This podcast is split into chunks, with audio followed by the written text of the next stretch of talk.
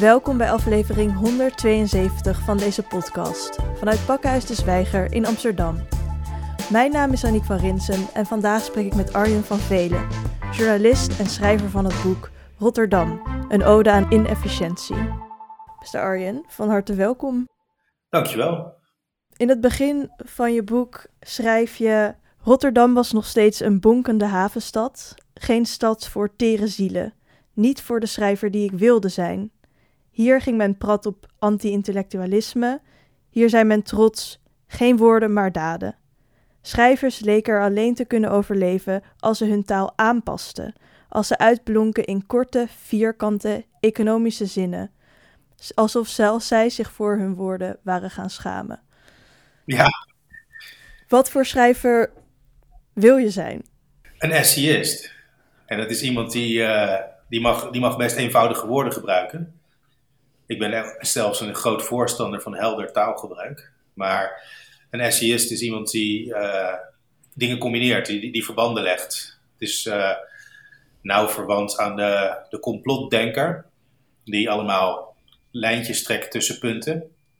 Uh, maar ik probeer dan niet in het complotgebied te belanden, maar wel verbanden te zien en te beschrijven tussen dingen die ik in mijn persoonlijk leven me meemaak. En tussen dingen, die ik lees en dingen die ik op straat zie ja, Rotterdam is, het boek Rotterdam is eigenlijk één groot, lang essay, persoonlijk boek, waarin ik ervaringen verwerk die, uh, ja, van die jaren dat ik rondzwierf door de stad, maar ook uh, in archieven en, uh, en ontmoetingen met mensen. Dat alles is verwerkt tot één groot betoog, essay over, over efficiëntie. Ja, want het valt wel heel erg op dat het is, het is een non-fictie boek en het het geeft een soort tijdsgeest, maar ook een soort analyse van de tijd waarin we zitten en hoe dat invloed heeft op ons als mens, maar ook in dit geval dus op de stad Rotterdam, hoe je dat terug kan zien in een stad. Mhm.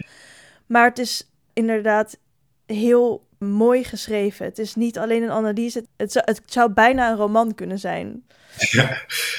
In de zin van uh, literair uh, of verhalend. Of, uh... Ja, het vertelt echt een verhaal. En het is inderdaad ook heel. Ja, je leest er zo doorheen, maar niet omdat het heel simpel is, maar juist omdat je ook ehm, ja, echt speelt met de taal en met je, met, je, met je reflecties en met wat je ziet. Ja, nou dank je. Uh, ik, ik, heb ook een roman geschreven, één. Uh, ik voel me uiteindelijk het meest thuis bij ja, wat Amerikanen noemen de, de personal essay. Mhm of de narrative essay. Ik weet niet wat, wat, de exacte term is, dat maakt ook niet zoveel uit.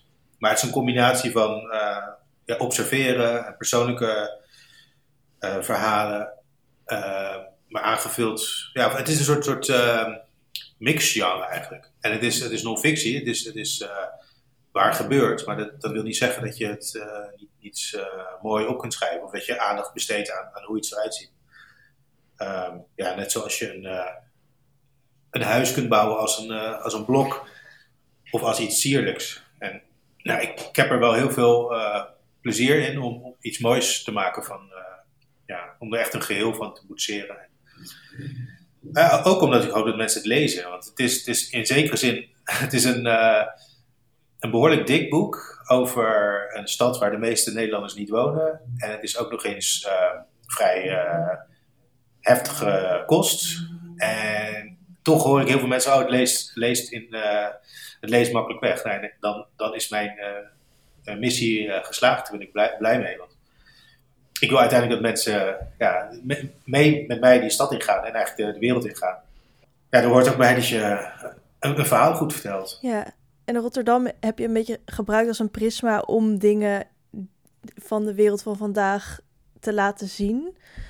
En hoe ben je dan op Rotterdam gekomen om dat te doen? Wanneer is dat ontstaan? Ja, nou ja, eigenlijk heel, heel suf. Maar ik had eerst een uh, boek geschreven over, uh, toen ik in Amerika woonde, over St. Louis. Een stad in het midden van, van Amerika waar ik zelf bij toeval belandde en twee jaar woonde. En toen heb ik die, destijds die stad genomen als een prisma van uh, Amerika beschrijven aan de hand van één stad. Lekker, lekker overzichtelijk. En toen dacht ik in Rotterdam aanvankelijk van ja, ik kan hetzelfde doen met deze stad. Alleen, dit, dit is een stad waar ik geboren ben, getogen ben.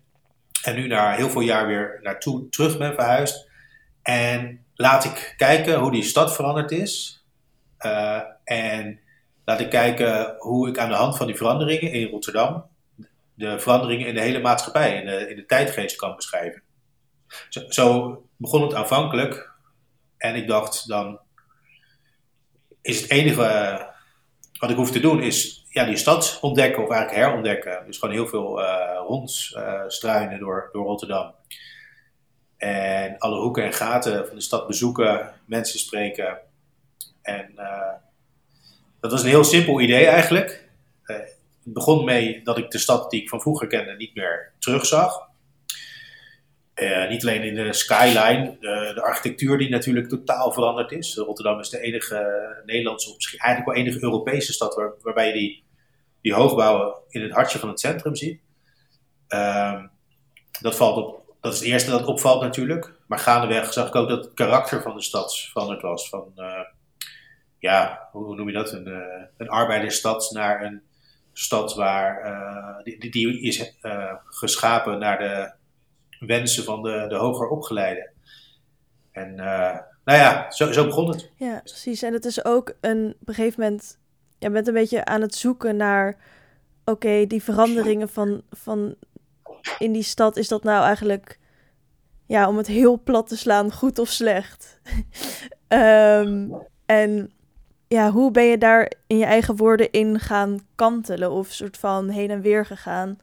Nou ja, kijk, wat je al zei van uh, platslaan, dat hoeft niet, gelukkig. Het is, de stad is veel mooier en veel lelijker geworden in mijn ogen. En die twee werkelijkheden uh, zijn allebei tegelijkertijd waar. En dat maakt het ook wel lastig. Want uh, als je alleen de mooie stad ziet, dus de stad die veel veiliger, veel schoner, veel glanzender is geworden, waar veel meer restaurants zijn, waar veel meer leven in de brouwerij is, waar geen uh, heroïne verslaafd over straat uh, uh, zwerven. als je, die stad is er en dat is geen, geen fictie. maar er is ook die andere stad die veel harder is geworden voor mensen die buiten de boot vallen en die veel onzichtbaarder is. En aanvankelijk zag ik vooral die nieuwe mooie stad en, en dacht ik, ja, wauw, wat, wat, is er met mijn oude lelijke havenstad gebeurd?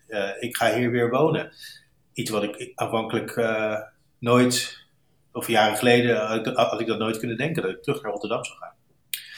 Maar als je ver, vervolgens uh, verder gaat kijken, dan zie je dat die schitterende nieuwe stad ook hele harde kanten heeft. En die merk je in principe niet als je daar geen, geen last van hebt.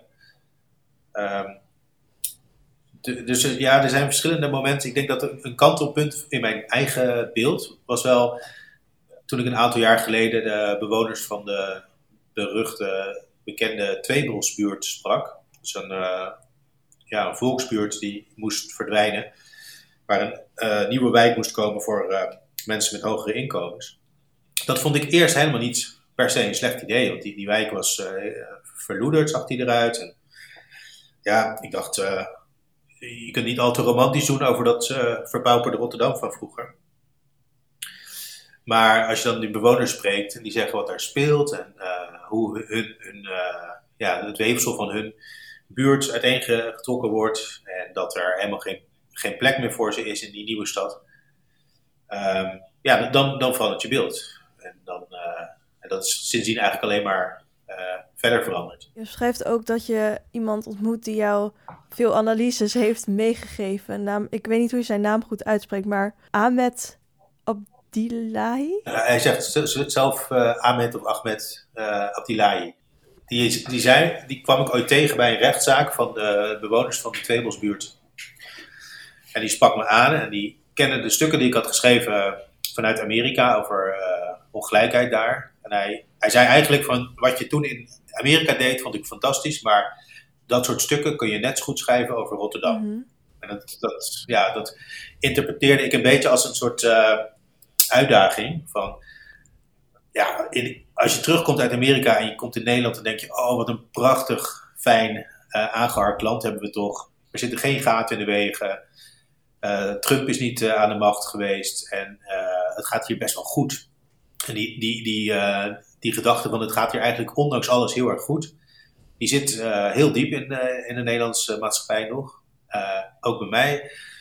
Maar niet meer eigenlijk. Ik denk dat het heel, heel slecht gaat. Juist omdat wij zo'n zo'n fantastisch uitgangspunt hebben. We zijn nog steeds een steenrijk land. En juist daarom vind ik al die ja, de manier waarop we eigenlijk tegen, tegen mensen met minder geld dan gemiddeld, uh, hoe we daar beleidsmatig tegen tekeer zijn gegaan, vind ik echt schokkend. En nou ja, dus dat was zo'n zo'n moment inderdaad van. Ahmed die nam me ook mee de stad in natuurlijk. Ehm, hij, hij werkt als postbode. En hij kent de stad, elke straat van de stad uh, heeft hij zo'n beetje gezien. Dus die vroeg of ik een keer met hem meeging. Ja, eigenlijk tot op heden maken we regelmatig fietstochten door de stad om te kijken hoe het, uh, hoe het ervoor staat. Dus dat was, dat was heel, uh, heel leerzaam, ook heel leuk. Nou ja, het, het, het gewoon, gewoon de stad ingaan, liefst met iemand anders, dat je een extra paar ogen hebt. Dat is een hele goede manier om de wereld te leren kennen. Wat hij ook kon, is jou opnieuw jezelf laten zien. Of laten zien hoe dat hoe jij naar Rotterdam keek, inderdaad ook een individuele perspectief was. Wat je ook later in je boek zet, zegt dat je er eigenlijk achter komt dat de bewoner die Rotterdam probeert aan te trekken, dat dat eigenlijk precies jij is. Ja, nou, dat, dat is. Uh, toen had ik dat huis al gekocht. En toen las ik een beleidsdocument van een paar jaar eerder waarin er een definitie stond van de, de gewenste eh, inwoner. Dus de kansrijke, kansrijke gezinnen heten die mensen. En de, en de, formule of de definitie daarvan was zoiets als een woning bezitten met een bepaalde koopprijs, hoger opgeleid zijn en, en, nog een paar van die criteria. En daar, daar viel ik precies onder. En die gewenste bewoner die kreeg ook vanuit de gemeente ja, daar werd de rode loper voor uitgelegd met, met subsidies en aanpassingen in de wijk. Dus daar, daar profiteerde ik van. Los, los van het feit dat je als uh, koophuisbezitter al een gigantisch uh, voorsprong hebt. Ja, dat is ook het dubbele wat ik net zei. Van je, je, je hoeft helemaal niks te merken van die harde kant van de stad als je aan de goede kant van de medaille zit. En ik dacht zelf, ja, ik ben journalist, ik ben altijd wel geïnteresseerd in de, in de andere kant. Maar ik had eigenlijk geen flauw benul van wat er, hoe het leven is voor, voor mensen die, niet, die buiten die definitie vallen. Die Ahmed, zoals je hem ook optekent in je boek, dat hij echt heel erg in, uh, bezig is met ook de tijdgeest vatten en eigenlijk begrijpen waarom, um, waarom deze stad zo ook aan het veranderen is. Verslaafd is aan lezen, maar dat hij daar eigenlijk helemaal geen per se direct profijt van heeft om zijn kennis zo te veranderen, omdat hij niet echt aangenomen wordt voor, voor andere banen dan bijvoorbeeld uh, postbode zijn? Of... Ja, hij, hij, uh, hij is zeer breed geïnteresseerd. Hij is een van de weinige mensen die zowel uh, uit een, aan de lijve, uit ervaring, weet wat er speelt, als uit de, de boeken en de kranten. Dus hij leest, ja, hij heeft een helikopterperspectief, maar ook een soort levenservaring. En, ja, en dat, dat was super interessant. Ik heb heel veel gesprekken met hem gevoerd, omdat hij net als ik uh, gewoon een soort uh, veelvraat is als het gaat om ja, sociologie en politiek. En, en omdat hij, kijk, dat is het verschil tussen theoretische kennis en ervaringskennis. Dingen als de toeslagenaffaire, daar had ik wel over gelezen natuurlijk, en dat volg je, en dan denk je, oh wat erg. maar op een of andere manier landt die kennis niet echt. je hebt geen uh, het gaat pas iets, pas iets voor je betekenen als je het aan de lijf hebt ondervonden. Dat de overheid jou ziet als verdachte. Terwijl je niets verkeerd hebt gedaan. Dat, het gaat pas voor je, voor je leven als je mensen kent die dat overkomen is. En Ahmed weet daar veel meer vanaf dan ik, omdat hij, omdat hij dat ondervonden heeft. En zo zijn er natuurlijk veel meer Rotterdammers, want dat, dat speelt bij tienduizenden alleen al in, de, in deze stad. Uh, dus ja, het is, uh, uh, dat is een andere reden om ook uit, je, uit je bubbel te kruipen. En gewoon mensen op straat te spreken. Want hij heeft dus eigenlijk heel veel inzichten in de maatschappij, hoe die nu functioneert, maar die komen eigenlijk niet aan. Of hij heeft misschien nu alleen door dus via jou uh, dat die kennis over te dragen, kan hij eigenlijk meedoen aan dat gesprek erover. Misschien. Dat geldt niet alleen voor hem. Ik denk dat de stem van heel veel mensen op dit moment niet goed uh, doorklinkt. Omdat, uh, bijvoorbeeld omdat redacties van tv en kranten behoorlijk eenzijdig zijn samengesteld. En dan heb ik het niet over kleur of, of, of, gender, maar vooral over de sociaal-economische achtergrond van, van mensen die in de journalistiek werken. Ehm, die ja, is een soort, uh, soort van een soort blindheid. Uh, het, het, is echt, echt volstrekt anders om uit ervaring uh, te weten. noem, eens een, noem eens een voorbeeld een, om een controleur van de Belastingdienst of de bijstand over de vloer te krijgen, of die, die, die bankrekening meeleest ja, ik, kan er, ik kan er verhalen over lezen en ik kan er mensen over spreken, maar ik zal, zal niet ervaren hoe, dat, hoe dat voelt. Uh, wat het met je doet als je uh, als verdachte wordt gezien door de, door de, de staat die eigenlijk ervoor zou moeten zijn om jou, uh, jouw bondgenoot te zijn. En ja, het, het, boek is in zekere zin ook een pleidooi voor de kennis vanuit, van praktijkdeskundigen en niet alleen eh, Ahmed, die heeft op zich uh, heeft een groot netwerk en hij, hij heeft, uh, ja, hij kan zijn eigen zegje doen. Maar voor heel veel mensen geldt dat niet. En die, ja, die, dat is ook een van de redenen waarom het zo lang duurde, waarom het bijna tien jaar duurde voordat het begon door te dringen dat de toeslagaffaire speelde. en zo zijn er meer dingen die, die, die heel traag doorcijpelen. gewoon omdat de meeste mensen uh, misschien wel meer dan vroeger in hun eigen uh, bubbeltje zitten. Je zei net, ik ben een essayist. Um, en je hebt dus Rotterdam gekozen als, als onderwerp voor deze keer. Maar je hebt ook gezegd um, dat je echt over alles wilde schrijven via stad Rotterdam. Ja. Um, wat zijn, wat, zijn bijvoorbeeld wat dingen die je ook zag en die, waar je het eigenlijk ook over wilde hebben, maar die je uiteindelijk hebt moeten laten vallen? oh, de deleted scenes. Ja. Ja, ik heb, ik, heb eigenlijk best wel veel in het boek gekregen. Ik denk als je het boek, boek leest, dan heb je op de grote thema's van deze tijd, heb je wel het een en ander uh, meegekregen. Dus klimaat, identiteit, ja, de, de, de, manier waarop de wereld, uh, waar, waarop efficiëntie regeert in de wereld. er zit heel, heel veel in, dus in zekere zin een boek over alles, dat kan natuurlijk niet, maar wel een boek over zoveel mogelijk via één, concrete stad en de mensen die daar wonen. Maar ik heb wel, ja, ik had nog een, een, lijn kunnen maken over masculiniteit. Dat had ik aanvankelijk wel uh, speelde dat mee, omdat het zowel in Rotterdam, Rotterdam was een, uh, een havenstad waar de, de mannelijke havenwerker een beetje de, de norm was. Nou, dat is die nu uh, allang niet meer. Het is nu een stad waar ja, de, de creatieve, hoogopgeleide mens een beetje de, de toon zet. Althans, dat is de, in de beeldvorming. En dan minder stereotyp mannelijk creatief mens bedoel je daarmee? Precies. Ja, en dus Rotterdam is eigenlijk een beetje veranderd van mannelijk naar vrouwelijk. Uh, hoewel die begrippen natuurlijk uiterst uh, problematisch zijn om er zo op te plakken, maar wel echt, echt veranderd. Die, die stereotype noeste havenwerker uh, beeldvorming is er niet meer. En daar zit ook een groter verhaal achter over de, de in het algemeen hebben mannen deze tijd, ja, is hun vanzelfsprekende uh, ja, de, de default, of hoe zeg je dat? De, ze waren de standaards automatisch bijna. Dat zijn ze niet meer. Dat, dat, dat kun je heel mooi illustreren aan, aan, uh, aan hoe Rotterdam, uh, in Rotterdam die havenwerkers eigenlijk naar de achtergrond verdwenen zijn.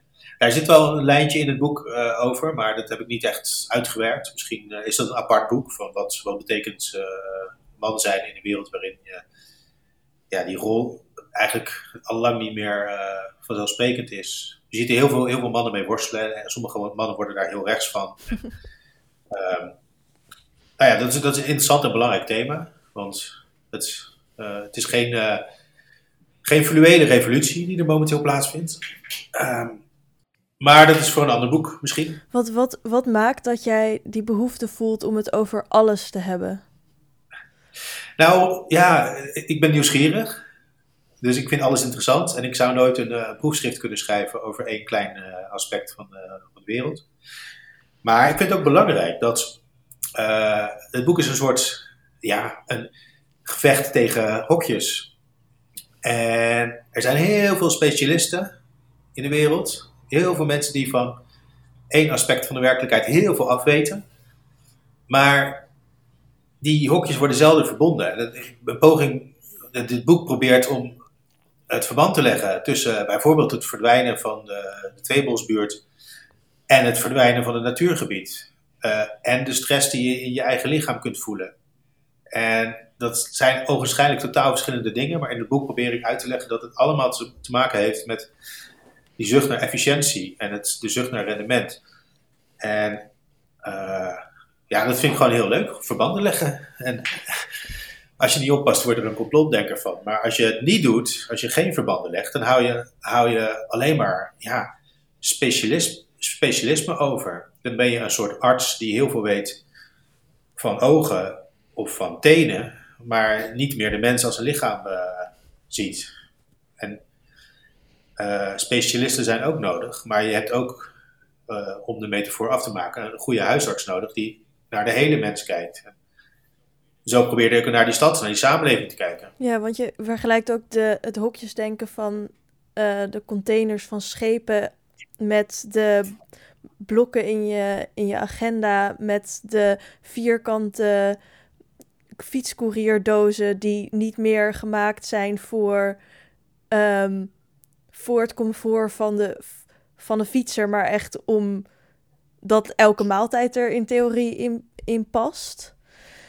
Um, dus soms lijkt het ja, bijna ver gezocht. Of, dat, of het is eigenlijk niet ver gezocht, maar dat je denkt: oké, maar wat is dan je punt? Maar er is dan niet misschien een punt wat je probeert te ja, maken, maar meer een. Uh, ja, hoe zou jij dat zelf, zeg maar, wat, wat, waar zit dat hem in? Denk je, waarom vind je dat zo mooi of belangrijk of fijn om, om te doen? Om die, die voorbeelden er allemaal bij te pakken en te beschrijven. En daar toch iets groots over te willen zeggen.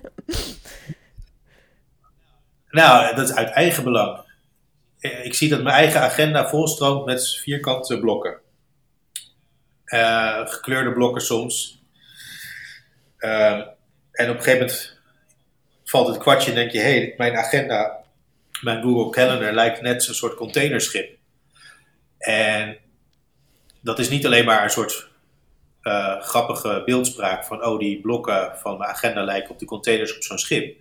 Nee, ik, on ik, ontdek dat er dan dezelfde uh, filosofie achter zit. Dat containerschip draait om maximale bezettingsgraad. Er moeten zoveel mogelijk containers op dat schip mee, zodat de, de reis het meest rendabel is. En uh, de container zelf al is een soort, is uitgevonden om ja, zo efficiënt mogelijk spullen te vervoeren. En op die manier probeer ik ook mijn eigen leven in te richten. Dus ik probeer zo efficiënt mogelijk een, uh, blokjes te vullen. En ik voel, ik voel me slecht als ik een keer een, wit vakje heb in mijn agenda, als ik niks doe. En vervolgens lees je over de geschiedenis van de containervaart. Uh, en dan staat er bijvoorbeeld dat ja, de, de, de, gouden wet van efficiëntie is dat hoe efficiënter je dingen organiseert, hoe meer groei er komt. Dus groei van werk bijvoorbeeld. Hoe efficiënter je je agenda in, inplant, hoe meer werk je aantrekt. Hoe efficiënter je de containervaart organiseert, hoe meer containers er zullen komen. Dus dan is de conclusie, hoe efficiënter ik ga leven, of hoe efficiënter ik de haven inricht, hoe meer werk uh, er op ons afkomt. Ja, en dan, dan valt het kwartje. Dan denk je, ja, dan ben ik dus dom bezig. Want uh, ik wil juist uh, efficiënt leven om tijd te hebben voor dingen die ik echt belangrijk vind. Maar door alleen maar blind te staren op die blokjes, uh, zorg ik juist dat ik helemaal geen tijd meer heb. Dat ik altijd maar harder ben, ben gaan werken. En het geldt niet alleen voor mij, het geldt voor de, de maatschappij in zijn geheel. Van, uh, ik denk dat de, de, de meest prangende maatschappelijke vraag van dit moment is zo'n beetje van waarom heeft iedereen het te druk terwijl we toch computers hebben die, die ons werk zouden overnemen. Maar ook als je dus die, die vergelijkingen trekt, dan, dan kan je dus overal terug zien komen. En dat geeft ook best wel een beklemmend gevoel. Het, voelt echt niet fijn als je dat zo op, optekent.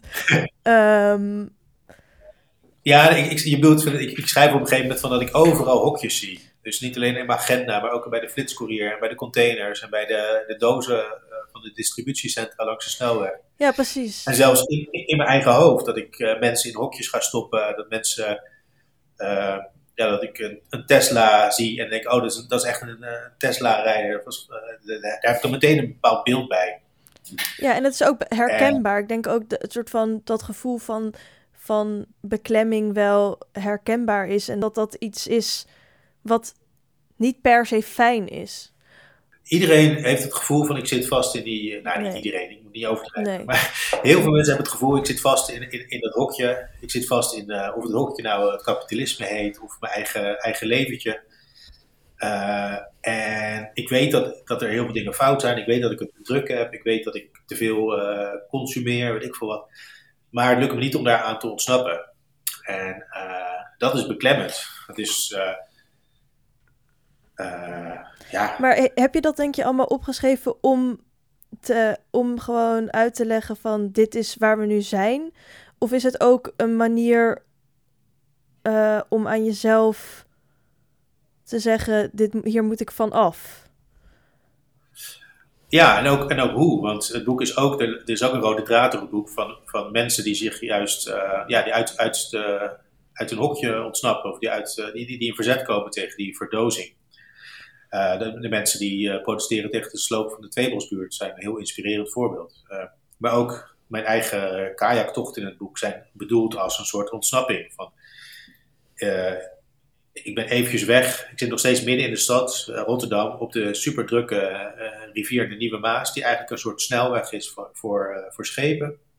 En daar peddel ik in mijn opblaaskajak. En dan denk ik, hé, hey, nu ben ik helemaal ja, offline en maar ook verlost van dat hele ja, het, doelgerichte werken van die havenstad. Um, en eh, aan de ene kant schets ik een soort benauwende toestand, een opgesloten toestand. En tegelijkertijd hoop ik dat het boek ook die, ja, de ode aan de inefficiëntie is. Of eigenlijk een ode aan de inefficiënten, de mensen die daar aan ontsnappen, die blokkades organiseren, de mensen die ja, doelloos werken. Maar ook aan, nou ja, de, je vroeg aan het begin van waarom wilde je ook dat het mooi werd opgeschreven. Ik denk dat schoonheid ook een, ja, een soort nutteloze waarde is die niet efficiënt is, maar wel uh, waarde heeft. En ja, ik denk elk moment dat je niet meedoet aan die, uh, aan die race, is winst. En die momenten kun je pakken. Wel grappig als je het dan niet meedoen als winst noemt, want dan, heb, dan vul je hem toch weer in een soort efficiëntie maatstaf in. Ja, winst, niet, eh, niet, niet geldelijke winst, maar uh, levens, uh, levenswinst of spelplezier of ja. Ik zie toch nog best wel veel verband met efficiëntie met die woorden die je nu kiest, maar ik snap wat je bedoelt.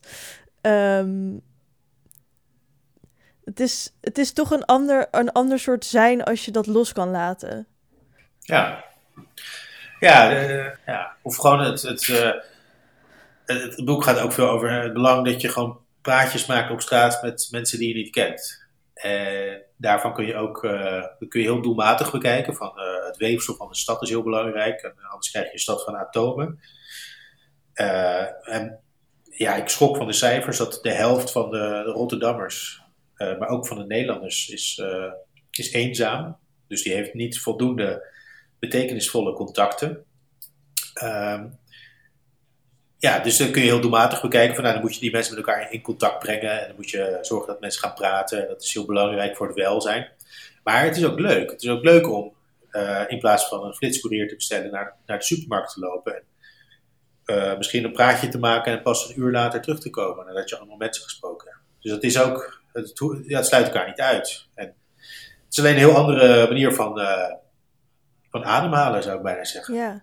Zou je bij jezelf kunnen teruggaan of wanneer dat meer eh, efficiënte, die meer efficiënte cultuur, of hoe je het ook wel eh, hebt genoemd, het, ehm, ja, de efficiëntiereligie bijna. Ja, ja. Eh, wanneer, wanneer die jou te grazen heeft genomen, was dat, was je als kind, eh, als, als tiener, als student en daarna, wanneer is dat begonnen? Of is dat altijd al een onderdeel geweest? Eh, nee, nee ja, als kind eh, speel je. En pas. En de school was toen ook anders dan nu. Hè? Mijn kinderen zitten nu op de basisschool en die krijgen al toetsen terwijl ze zes zijn. En die toetsen betekenen officieel nog niks, maar er zit toch wel een beetje een soort druk achter van. eh, straks komt de CITO-toets en het is, allemaal allemaal veel belangrijker geworden om toetsen te doen. Dus ik denk dat die school destijds anders was. Dat weet ik wel zeker. Maar ik had ook een aparte situatie omdat ik in een, een religieus, eh, protestants, eh, orthodox gezin opgroeide, waar de tijd anders beleefd werd. Dus de eh, ja, mensen die in een hiernamaals geloven, dus dat er na de dood een soort eeuwig voortbestaan is van de ziel, whatever, die hebben een veel, heel ander eh, tijdsperspectief. Die hoeven niet alles uit dit ene leven op aarde te halen. Die 80 jaar die je ongeveer eh, mag verwachten. Dus die hebben minder haast, want na de dood gaat het gewoon door. Die hebben alle tijd, letterlijk. Dus zo groeide ik op en daar zat minder druk achter om jezelf te verwezenlijken. Eh, zelfontplooiing, eh, de individuele eh, mens die alles uit zijn eigen 80 jaar moet halen, dat, dat was er allemaal niet. En ik ben zelf uit die orthodoxe bubbel gestapt, maar wel in een wereld terechtgekomen waar ook allerlei orthodoxieën gelden. Niet, niet zozeer religieus geïnspireerd, maar wel met dezelfde karaktertrekjes. Dus het idee dat je jezelf moet ontplooien kan enorm, eh, kan, kan heel, heel, heel hard zijn. Ja, dus het, dat gro- groot gevoel van toch wel falen, dat je toch kan falen in het leven. Wat dan misschien niet is, oh, ik ga naar de hel of, of naar de hemel, maar toch het gevoel van als je jezelf niet volledig ontplooit, leef ik niet zoals ik moet leven. Nee, nou ja, het idee dat je altijd productief moet zijn. Dat je eh, je, je, je kut voelt als je een keer niks gedaan hebt. Terwijl, ja, waar komt het vandaan? Hoezo zou je je slecht daarover voelen? Maar kan je he- herinneren wanneer, of er, dat er misschien een specifieke periode is geweest in je leven waarin je dat heel extreem had? Dat je elke, elke seconde van de dag productief moet zijn, moest zijn en Nou, ja, dat was vrij recent nog. Toen ik eh, een jaar geleden probeerde ik dit boek af te schrijven. En toen was er een pandemie, zoals je weet. En eh, in de winter, vorige winter, waren de scholen een paar maanden achter elkaar eh, dicht. Althans, onze kinderen konden drie maanden lang niet eh, naar school. En dan heb je opeens twee banen eigenlijk, plat gezegd. Je, moet eh, fulltime voor je kinderen zorgen en je hebt je gewone werk als freelancer. En in plaats van te denken dat dat, dat niet kan, twee banen, dacht ik, nou, ik ga gewoon door met werken. Want ik moet dat boek afmaken, ik moet eh, productief zijn. En dat, dat zorgen voor de kinderen tel ik even niet mee. Nou ja, dat, dat was eh, krankzinnig achteraf. Dat, je, eh, ja, dat, je, dat je niet denkt van schakel even terug. En ik was niet de enige. Ik denk dat heel veel mensen tijdens die, in die periode veel te hard, nog harder dan normaal gewerkt hebben. Ja, ik denk dat dat best wel eh, verschillend... Ik heb ook het idee dat er juist weer sommige mensen... die juist door de coronapandemie... juist wel hebben geleerd om terug te schakelen. Kan ook, ja. En die momenten heb ik ook wel gehad. hè, Van, dat je denkt, oké, het is er, er kan nu niks, dus hè. Van een soort opluchting van, ik eh, kan niet eens naar mijn werk. Maar Mhm. eh, ja, misschien is het een soort freelance trekje van... ja, je, je hebt geen vaste baan, dus je kunt niet achterover gaan leunen. Je moet eh, nieuwe opdrachten binnenhalen. Je, eh, je denkt, als ik nu niks doe, dan eh, straks word ik straks niet meer gevraagd. Dus dat soort dingen spelen ook een rol. Wat voor gevoelens spelen bij jou een rol? Denk je dat je zo erg dan toch daarin vastzit. Ook bijna paradoxaal als je een boek aan het schrijven bent waar, wat, waar dat, die daar tegenin probeert te bewegen, je daar zo in zit, zeg maar. Nou, ja, ik denk dat het niet alleen bij mij is. Kijk, de, nee, dat denk ik juist niet. dat het een kenmerk van deze tijd is dat je dingen doet die je verafschuwt. Uh, iedereen weet dat de telefoons waarmee we communiceren of de computer waarmee we nu uh, een podcast op, opnemen, dat daar uh, foute arbeid in zit, bijvoorbeeld. toch nemen we geen afscheid van die spullen. Dus je leeft voortdurend met het idee van ik doe dingen die verkeerd zijn, ik consumeer te veel en toen ga ik ermee door. Want ik, je zit eigenlijk vast in dat systeem. En dat is, dat is niks om je voor te schamen. Ik denk dat, dat uh, als je in een samenleving zou leven waar iedereen uh, een beetje op zijn gemakje door het leven gaat, dat het dan veel makkelijker is. Maar ik weet niet of het specifiek iets voor mij is. Ik denk wel dat, dat bij het schrijven speelt natuurlijk ook ambitie een rol. Dus je denkt van ik moet, uh, het moet perfect zijn, ik moet een briljant boek schrijven. En dat kan je helemaal gek maken. En dat wordt niet, niet per se een beter boek. En, uh, als, je, als je dan, uh, zoals ik destijds dacht ik nog van ik ga een boek over alles schrijven. Nou ja, dat is nogal een, uh, een hoop verf op je kwast, om het zo maar te zeggen. maar ehm, ik denk wel echt dat er iets, iets in de tijd zit, los van karaktereigenschappen. Ieder mens reageert anders op dingen. Ik ken ook genoeg mensen die zich niet gek laten maken en die denken, waar heb je het over? Ik, ik, heb, ik werk juist maar drie dagen in de week en ik, neem alle tijd om uh, een beetje door de stad te slenteren. Maar door de bank genomen uh, is de samenleving echt, uh, is productiviteit wel veel belangrijker geworden. En spreek ik ook jonge mensen die studeren of die nog op school zitten en die bezig zijn met, met ja, zo gefocust zijn op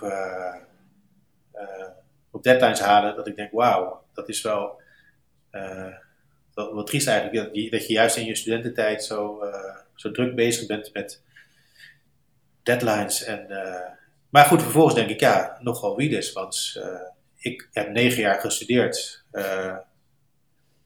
ik ben, ben nog steeds bezig mijn studieschuld af te betalen, maar dat kon toen nog relatief makkelijk. de huidige generatie is dat niet zo. Dus er zijn echt wel dingen in de samenleving ook veranderd die die, die, die uh, deadlines halen en de stress daarover uh, bevorderen. Ja, ik bedoel hem ook echt niet zo dat jij daar uh, uniek in bent, verre van. Maar het is duidelijk een thema wat jou heel erg bezighoudt, zowel inhoudelijk als ook ja. bijna meta dan weer daar dat dan ook weer efficiënt en, en goed volbrengen. Maar als je, dus wat ik vroeg ook net van, wanneer is dat bij jou ontstaan? Had je dat dan zelf in je studententijd niet of minder? Had je daar wel gewoon dagen dat je gewoon kon lanterfanten of wat voor term je er ook aan niet inefficiënt zijn kan plakken? Ja, ik denk dat dat echt een radicaal andere tijd was die nog vrij relatief kort geleden is. Uh, tijdens mijn studie heb ik voor het eerst een mobieltje gekregen. En ik denk, dat was nog een uh, telefoon waar je alleen mee kon bellen. En het bellen was heel duur. En ik denk dat dat ook een aspect is, dat de, de druk heeft toegenomen. Niet alleen werkdruk, maar ook sociale druk. Uh, het idee van alles uit je leven halen. Heeft een soort boost gekregen door dat, dat je altijd alles uit je leven kunt halen. Je kunt voortdurend uh, van alles zien. Je kunt voortdurend overal naartoe. Dat is echt een heel, heel korte tijd veranderd. En ik denk dat de meeste mensen daar niet goed mee om kunnen gaan. Dat ze veel te druk sociaal leven hebben. Dus dat het misschien niet eens gaat om productiviteit als in de zin van uh, uh, dingen, eh, gewoon werk, maar ook het sociale, de sociale productiviteit, om het zo maar te zeggen, is enorm. Uh, daarvan is druk toegenomen. De, de fear of missing out. het idee dat je voortdurend jezelf moet uitzenden via Insta whatever dat, dat, ja, daar had ik toen nog geen last van. En dat is heel, heel recent nog. Maar als het zo recent is, zie jij dan ook ergens wel uh, een soort switch van... Kan je je voorstellen dat je er ook weer uit kan stappen? Dat je weer terug kan gaan naar een andere mindset waarin die, die snelheid, waar misschien je je projecten af moet maken of die constant efficiënt zijn, uh, waarin je dat, en die fear of missing out, waarin je dat los kan laten en gewoon meer zoals ja. eerst. Uh, Ja, goede vraag. Ik denk, ik denk dat mensen uh, onderschatten hoe, hoe, uh, hoezeer ze, ze verslaafd zijn. Laat ik voor mezelf spreken. Je denkt van, ik ben de baas over de technologie, maar die is de baas over jou. En die dicteert je agenda, de bandbreedte in je hoofd. En eerste wat je doet als je wakker wordt, is dus je telefoon openvegen en kijken wat mensen zeggen over de wereld, of over jou, of over elkaar. dat de, de kritiek op uh, moderne technologie heeft, is heel lang geweest. Uh, ja, was, was not done. Want dan was je, een, uh, was je ouderwets, of was je sentimenteel of nostalgisch. Ik denk dat. Conservatief. Of conservatief. alleen, ja, nu hoor je steeds meer van: oh, dit is wel heel erg ons leven aan het dicteren. Maar ja, ik, ik, kan, ik kan van Twitter afgaan, maar dat helpt de wereld natuurlijk ook niet. Want dan zit je nog op al die andere dingen. Dus uh, het kan alleen met, met vrij radicale middelen. En wat ik, uh, ja, ik gebruik bijvoorbeeld software als uh, Freedom, waarbij je jezelf uitsluit van internet. Dus dan kun je acht uur lang niet, niet online. Niet op je telefoon en ook niet op je laptop. Je kunt gewoon niet online. Dat. Uh, dus een soort cold turkey tijdelijk. Dan, dan, heb je eventjes tijd dat je kunt werken. Maar ook, ja, in mijn geval is kajakken een manier om even offline te zijn. Je kunt letterlijk niet. Nee, je kunt, ik neem wel mijn mobiel mee dan om, om, te kunnen bellen als mijn boot zinkt. Maar het, is, het is een echt. Blub, blub, blub. en om selfies te maken onderweg natuurlijk. Maar het, het, het toch even op Twitter te gooien, die selfies. Ik denk dat het. ik sprak gisteren iemand, een jongen die bezorger is bij DHL. Of een jonge man van mijn leeftijd. En die kampte daar ook mee. En die heeft gewoon gezegd van ik ga al die, al die troep wegdoen. Ik ga zoveel mogelijk offline leven. En ik ga weer platen luisteren enzovoort. En ja, dat is een manier. En dan moet je dus niet bang zijn dat je dingen mist. Want je krijgt juist heel veel terug. dingen waarvan je geen weet had dat ze er waren. En plan je dat kajakken dan in? Of doe je dat op impuls? Ja, dat doe ik vrij spontaan. Ik heb een, uh, ik heb een vouwkajak die, uh, die gewoon heel, in een rugzak past. En ik heb als freelancer heel veel, uh, heel veel macht over mijn agenda, zeg ik altijd. Maar, dus ik kan gewoon, als het goed weer is, hier, hier de rivier op in Rotterdam of ergens anders. Dus, en heb je dan ook het gevoel dat je een andere manier van tijd ervaart als je dan aan het kajakken bent? Kan je dan wel die efficiëntie loslaten? Kan je dan ook ja, op een gegeven moment erachter komen dat je eigenlijk al langer weg bent dan je dacht? Of? Ja, dat is voor mij een heel snelle manier om een soort uh, uh, flow, zen-toestand te bereiken. De rivier helpt ook. Een rivier is zelf wel een soort flow. En als je op, het water bent, dan, uh, dan heb je die flow meteen. Dus sommige mensen hebben dat met hardlopen. Um, maar het is ook een manier om in de natuur te zijn. De rivier in Rotterdam is een heel groot natuurgebied eigenlijk. Uh, waar weinig mensen gebruik van maken, omdat er ook heel veel vrachtschepen varen. Ik zelf ook niet zo vaak hoor, het is niet heel, heel prettig varen daar, maar het is wel, uh, ja, je, bent, uh, je, kijkt het, je kijkt letterlijk vanuit een andere hoek naar, naar de stad. En ehm, ja, dat kan ik iedereen aanraden, maar het is, voor, ieder, voor ieder is het uh, zaak om een manier te vinden waarop je. ja, ja, dat moet natuurlijk ook weer niet worden. Ga kajakken om je probleem met je verslaving uh, op te lossen. Want dan wordt het ook weer een soort van efficiënt middel. Terwijl dat je het juist tegen moet gaan. Nou, uh, het instrumentele ervan vind ik, vind niet per se verkeerd. Kijk, efficiëntie zelf uh, ja, betekent gewoon dat, je, dat iets goed werkt. Dat er een hoog rendement is. Uh, en ik zie het een soort, ja. Wat is dan inefficiëntie voor jou?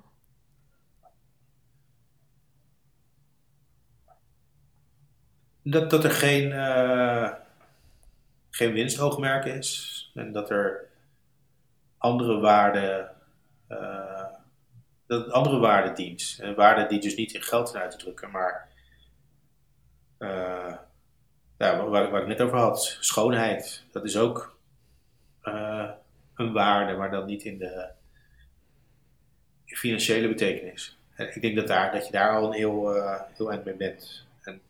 Maar het is, een goede vraag hoor, want uh, ik betrap mezelf er ook vaak op dat ik wel mensen spreek, waar ik dus voor pleit, dat je veel gesprekken voert met mensen in plaats van dat je achter je schermpje zit. Maar dat zijn vaak ook soort transacties, of dan ben, je, ben ik in mijn achterhoofd nog met mijn werk bezig. En denk ik, oh, hier kan ik een mooi verhaal over maken.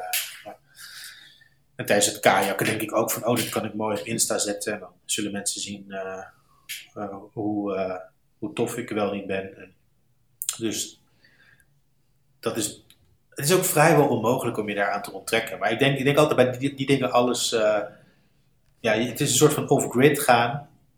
Zonder dat je echt off the grid gaat leven. En niet iedereen kan in een tiny house in een bos gaan leven. Maar het verlangen om, de, om je daar, om van off-grid zijn, dat, dat zullen heel veel mensen herkennen. Ja, ja, ik kan dus niet in een bos gaan wonen, maar ik kan wel af en toe ontsnappen. En uh, tijdens, uh, tijdens werktijd wandelingen maken helpt ook al. Uh, e-mails niet beantwoorden en kijken wat er gebeurt. Meestal gebeurt er niks. zijn mensen blij, zijn mensen al over vergeten. Je trekt ook een, een verband tussen dat hokjes denken um, en het feit dat computers functioneren in hokjes denken. Um, en je zei ook ergens dat het, dat het soms bijna lijkt alsof we ons al aan het voorbereiden zijn op een tijd waarin we zelf ook worden geautomatiseerd. Ja. ja. Kan je dat wat meer uitleggen? Nou, ik dacht bijvoorbeeld aan uh, hokjes in de zin van stereotypen. Uh, stereotypen, vooroordelen, die zijn ook een vorm van efficiëntie. Het bespaart je tijd als je niet bij elke persoon die je tegenkomt, uh, je moet afvragen wie is dat, maar gewoon kunt denken, oh dat is een Tesla-rijder, die zit in dat hokje. dus ik denk dat er een verband is tussen de, de werkdruk die heel veel mensen ervaren en die weinig bandbreedte overhoudt om overlaat om mensen echt te leren kennen. Dus dan grijp je naar het gemak van een vooroordeel. Dus ik denk in tijden waarin heel veel werkdruk is, zijn er meer, is er meer behoefte aan uh, vooroordelen. Maar ik denk ook aan bijvoorbeeld uh, hoe mensen in categorie, categorieën zijn gaan denken. Zelfs de mensen die juist pleiten voor uh, ambiguïteit, die, die lijken meer in hokjes te zijn gaan denken. Ik moest, moest denken aan de, het boek van Joris Luindijk over de zeven vinkjes. Dat, ik las dat boek en ik was er heel, heel blij mee. Ik dacht, hé, hey, hij verdeelt mensen niet in, twee hokjes van wit of zwart of man of vrouw, maar een hele lijst van criteria. Maar uh, later dacht ik, ja, het blijven hokjes. Het is een soort uitgebreide tabel, een soort spreadsheet van, waarin je alle mensen kunt stoppen. En mensen zijn veel complexer dan dat. Mensen zijn, ook als je duizend categorieën zou hebben, nog steeds niet perfect in die hokjes te krijgen. Dus waarom willen we dat? Ja, ik heb het idee dat onze hoofden voor een deel al aan het automatiseren zijn. Doordat we al enkele eh, decennia nu met computers werken.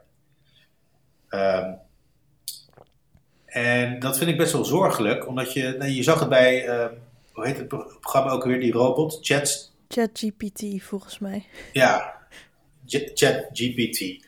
Nou ja, ik, ik, heb net toevallig een uh, probeerseltje gedaan om een, een, essay te laten schrijven door die robots. Vanuit de gedachte van, dan scheelt, dat scheelt me heel veel tijd. Het is een super saaie tekst geworden. Oké, nou, misschien wordt die robot nog beter. Maar ik, ik sprak toch best wel veel mensen, ook in mijn beroepsgroep van het schrijven, die dachten, oh, uh, die robot gaat ons werk overnemen. Of uh, docenten die zeggen, oh de scholieren die gebruiken die software om uh, snel stukken te schrijven. Maar toen dacht ik, ja, hoe, hoe kan het dat mensen daar bang voor zijn? Dat is alleen omdat kennelijk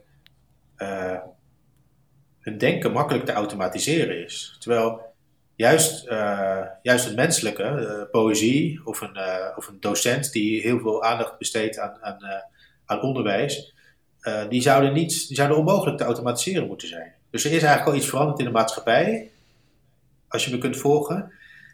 Uh, onderwijs is veel meer, uh, ja, ook veel meer, veel meer in blokjes gevat dan vroeger. Onderwijs heeft veel meer, meer keuzetoetsen. Ook al een voorbeeld van automatisering. Hè. Meer keuzetoets kun je makkelijker nakijken. is veel minder arbeidsintensief dan een, bijvoorbeeld een mondeling tentamen, waarbij je echt met iemand spreekt. En dat, ik heb het idee dat de samenleving eigenlijk al klaar was om geautomatiseerd te worden. Uh, journalistiek kan ook een vorm van vakken vullen worden. En ja, dan als journalistiek alleen maar is vakken vullen, dan is het makkelijk te automatiseren. En dan moet je inderdaad bang zijn voor die, uh, die robot. Ja, maar ik denk dat het wel uh, de mate waarin die po poëtische kanten van intellect ook geautomatiseerd kunnen worden, dat we daar dat dat best wel snel gaat.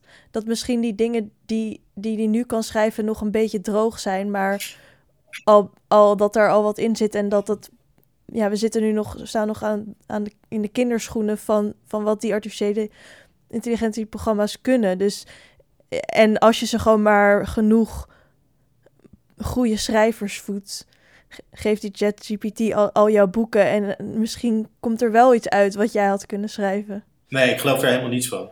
Ik, ik denk dat, dat je dat, als schrijvers die dat denken, die hebben echt een raar beeld van wat schrijven is. Uh, omdat je een robot wordt gevoed met uh, bestaande teksten. En maakt daar niet iets nieuws van. Het husselt het door elkaar en zoekt naar patronen en en produceert een tekst die dan lijkt op wat er was. Je kunt dat nu al doen. Hè? Je kunt nu al uh, opdracht geven van maak een tekst in de stijl van uh, uh, Flaubert. En dan rolt er iets uit in die stijl. Maar er is niet een nieuwe stijl die hij ontdekt. En simpel voorbeeld in de journalistiek van de helft van mijn boek ga ik op pad. Ga ik mensen spreken, kom ik buiten. Dat is allemaal nieuwe informatie, nieuwe ja, nieuwe data, zou ik bijna zeggen. En dat kan die robot per definitie niet produceren, omdat die gevoed wordt met bestaande dingen. Ja, maar is... die robot kan al wel wat ze nu noemen hallucineren. Dat als er geen data is, dat hij dan iets gaat bedenken. Ja, dat geloof ik graag. En, en, en hoe doet hij dat dan? Hoe wordt hij... Ja, ik ben geen, geen expert op het gebied van artificiële intelligentie. Um, dus ik zou niet weten hoe hij dat precies doet. Ik ja. Maar ik... Ja? Ja, ik, ik, spreek wel eens kunstenaars hierover. Want die, die, vergelijkbaar, die mm. kunnen ook al... Uh, die zien ook... Uh, ja, je kunt een... Uh, met heel veel pijn en moeite een, een bronzen beeld maken. Wat echt ontzettend veel werk is. En vervolgens komt er een computerprogramma dat in no time een 3D-model maakt. En daar een, hetzelfde kunstwerk ja, het voortbrengt. Maar dan nog perfecter. En in eerste instantie denk je, oh shit, mijn, mijn vak is me afgenomen. Nee, jouw vak is helemaal niet dat, dat, dat product maken. Je vak is, is denken over de, over de werkelijkheid en daar nieuwe inzichten, uh, ja, het, nieuwe inzichten brengen. En desnoods zet je de robot aan het werk om die inzichten vorm te geven. Zo zou ik ook als schrijver die, die robot kunnen gebruiken. Van ik, ik heb een briljant, briljant idee laat de robot maar de, de vakjes inkleuren, maar ik, zet de lijnen uit. Uh, in die zin uh, is, een, is het ja, niet anders dan de, de rekenmachine die, die uh, op school werd ingevoerd. Toen waren mensen ook bang, oh, dan gaan mensen niet meer rekenen. Nou ja, we zijn juist ingewikkelder sommen gaan, gaan maken. En hebben heel veel eh, ja, zinloos rekenwerk of dom rekenwerk uitbesteed. Nou ja, dat is prima. Maar je hebt nog steeds die, ehm, maar misschien, ik weet niet, jij, weet er misschien meer vanaf dan ik. Het zou best kunnen zijn dat, dat die. Uh... Ja, wat ik wel interessant vind is, is dat jij dus ook inspiratie en haalt uit door de stad lopen en um, de indrukken daarvan. Want ik denk dat het wel nog op zijn uh, pessimistisch gezegd nog even gaat duren voordat een artificiële intelligentie dat soort data goed door kan krijgen. Wat dat betreft hebben wij nog onze ervaring van in een lichaam door de wereld bewegen die de artificiële intelligentie nog, ni nog niet eh, heeft. Absoluut. En je hebt natuurlijk wel Google Maps en dan, dan zie je een gebied vo- voordat je op vakantie gaat en je kunt er al rondwandelen en je kunt al de reviews lezen. Je ziet alle foto's. En toch, dan kom je in die stad en dan blijkt het echt volstrekt anders te zijn. Omdat jouw, jouw lichaam is een sensor en ervaart die dingen eh, ter plekke op een unieke manier. En eh, ja, ik ben totaal niet bang dat er een, eh, een robotwagen door Rotterdam gaat rijden en vervolgens allerlei observaties doet en daar een, eh, een essay over schrijft dat tien keer beter is dan mijn boek. Dat, dat, dat zie ik echt geen honderd jaar gebeuren. Maar dit is ook wel een mooie, eigenlijk, cirkeltje naar in het begin van het gesprek, waar ik het ook had over hoe poëtisch jouw schrijfstijl is. Maar goed, even dan, om het samen te vatten, ben je nu ook bezig met eh, een project voor Das Mag over de maand mei. En daar komen verschillende thema's waar we het over hebben gehad ook in samen. Want eh, het gaat weer over die kajak misschien. En je gaat misschien ook eh, de proef op de som stellen met het minder hard efficiënt hoeven te zijn door juist in eff- efficiëntie binnen te brengen door ChatGPT. Zou je dat kort even wi- willen? Ja, nou, toen was ik net eh, mee aan het experimenteren, een beetje uit, eh, uit nood geboren. Maar dan, dan zijn mensen meestal op hun eh, creatiefst. Ja, ik, ik heb een paar weken nog om een kort boekje te schrijven. En ik dacht, ja, hoe ga ik dit ooit doen? Ik zat over te stressen en toen dacht ik, ja, stress is niet goed. En het onderwerp van het boekje is de kajak. Het is een soort ode aan, aan de opblaaskajak. Maar ook een soort filosofische ode. Die opblaaskajak staat dan voor eh, ja, een soort escape uit de, eh, uit de efficiëntie.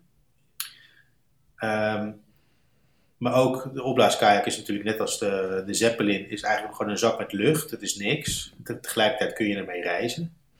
Kun je de meest eh, spectaculaire avonturen mee beleven. Dus je hebt niet zoveel nodig. Een zak met lucht en je, en je blijft drijven. Een zak met lucht en je kunt eh, de zee oversteken. En toen, zat- toen dacht ik van ja, als dat de filosofie is, de boodschap van je hoeft niet altijd eh, veel te hebben. Dan, en je hoeft niet altijd hard te werken. Dan kan ik misschien eh, die, die robot een deel van het boekje laten schrijven. Ik heb het daar nog niet met mijn redacteur over gehad. Maar het past heel goed in de, in de boodschap van het boekje. En een andere reden is dat eh, ik hoor soms mensen die mijn boek gelezen hebben, die zeggen van ja, je bent zo, eh, zo kritisch op eh, technolog- technologie en automatisering, alsof het altijd de wereld slechter maakt.